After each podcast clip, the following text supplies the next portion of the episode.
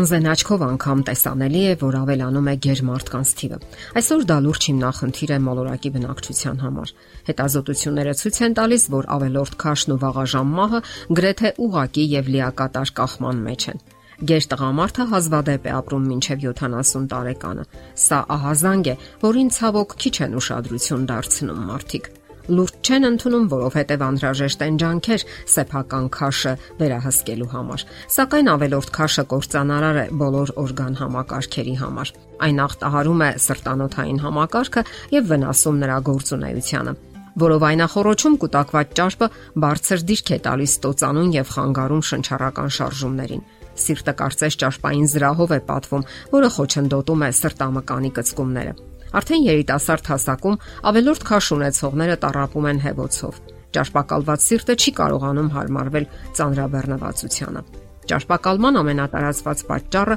գլխուղեղի սննդային կենտրոնների գործունեության խանգարումն է։ Այդ կենտրոնները երկուսն են՝ քաղցի եւ կշտության կենտրոնները։ Առնետների վրա կատարված փորձերը հաստատում են, որ քաղցի կենտրոնի խախտման ժամանակ կենթանիները սննդի պահանջ չեն զգում, հրաժարվում են սննդից եւ սատկում Իսկ կշտության կենտրոնի խախտման ժամանակ նրանք սկսում են ճափից շատ ուտել եւ աղետալի արագությամբ ճարպակալում են։ Հասկանալի է, որ նրանց եւս վաղաժամ մահ է սպասվում։ Մարդկային մարմինը առողջ է միայն երկու կենտրոնների հավասարակշռության դեպքում։ Գերմարթիկ սովորաբար չգիտեն, թե երբ են քաղցած, երբ են կուշտ։ Նրանք միշտ պատրաստ են ուտելու, հենց որ հնարավորություն լինի։ Նրանց համար ուտելն առողջ մարմնի բնականon պահանջ չէ, այլ հաճույք ուտելիքը ծամելու եւ կուլ տալու գործընթաց։ Նրանք հաճախ այս ձևով են փորձում փոխհատուցել հոգեկան խաղաղության ու զգացումների բացակայությունը։ Իսկ նման փոխհատուցման արժեքը բավական բարձր է եւ ճակատագրական։ Հերիք չէ, որ մարդիկ նիհարներից շատ են ուտում, դեռ նրանցից էլ քիչ են շարժվում։ Նիհարների հաղթահարած ամենօրյա տարածությունը գրեթե կրկնակի գերազանցում է ģեր մարդկանց անցած տարածությանը։ Կարծիք կա, որ գիրությունը ժառանգական է։ Սակայն գիրության հակումը բոլորովին էլ ճակատագրական բնույթ չունի եւ լիովին ենթակա է կարգավորման։ Գիրանալու հակում ունեցող ծնողները երեխայի կյանքի հենց առաջին ամիսներից պետք է վերահսկեն նրա սննդի քանակը եւ կանխեն շատակերության խնդիրը։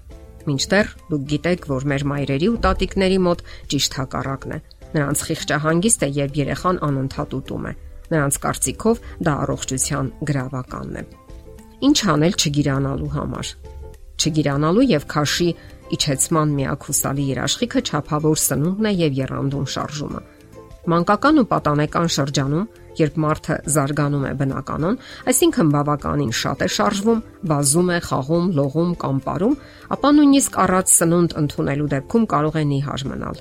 Նա մեծ քանակությամբ էներգիա է ծախսում ֆիզիկական ակտիվության վրա, ինչպես նաև ձևավորվում են ոսկորները, մկանային հյուսվածքները եւ այլն։ Եվ եթե երեխայի քաշը հաճախ պակաս է նորմայից, ծնողները պետք չէ որ անհանգստանան գեր ամեն առիթով ծամող ծնողները ամեն կերպ աշխատում են այդպիսին դարձնել նաև իրենց երեխաներին։ Այդպիսի հոգեբանության ու ճնշման արդյունքում վերջին տարիներին զգալիորեն ավելացել են մանուկ ու պատանի հաստլիկները։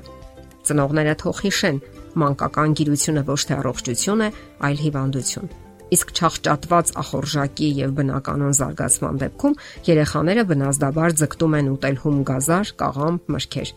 Ճիշտ եւ առողջ սնված երեխաները հասուն տարիքում տոնուսը բարձրացնող միջոցների կարիք չեն զգում, ասենք սուրճ, ծխախոտ, ալկոհոլ եւ այլն։ Եվ դա པարզված փաստ է, որ հում բանջարեղեն ու մրգեր շատ օգտագործող մարդիկ ավելի հազվադեպ են դիմում տոնուսը բարձրացնող միջոցների։ Միշտ հիշենք, Մեզ սնում է ոչ թե այն, ինչ ուտում ենք, այլ միայն այն, ինչ մարսում ենք։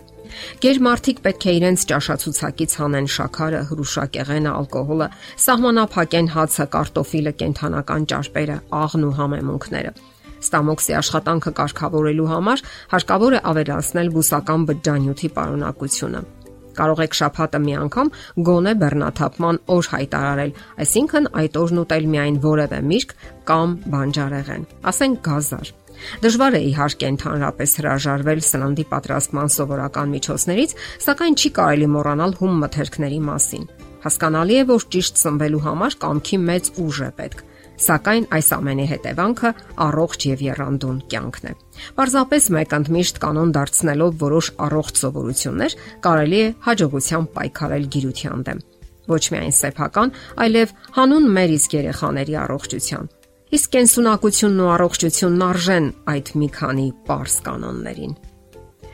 Եթերում առողջ ապրելակերպ հաղորդաշարներ։ Ձեզ հետ է Գեղեցիկ Մարտիրոսյանը։ Հարցերի եւ առաջարկությունների համար զանգահարել 033 87 87 87 հեռախոսահամարով։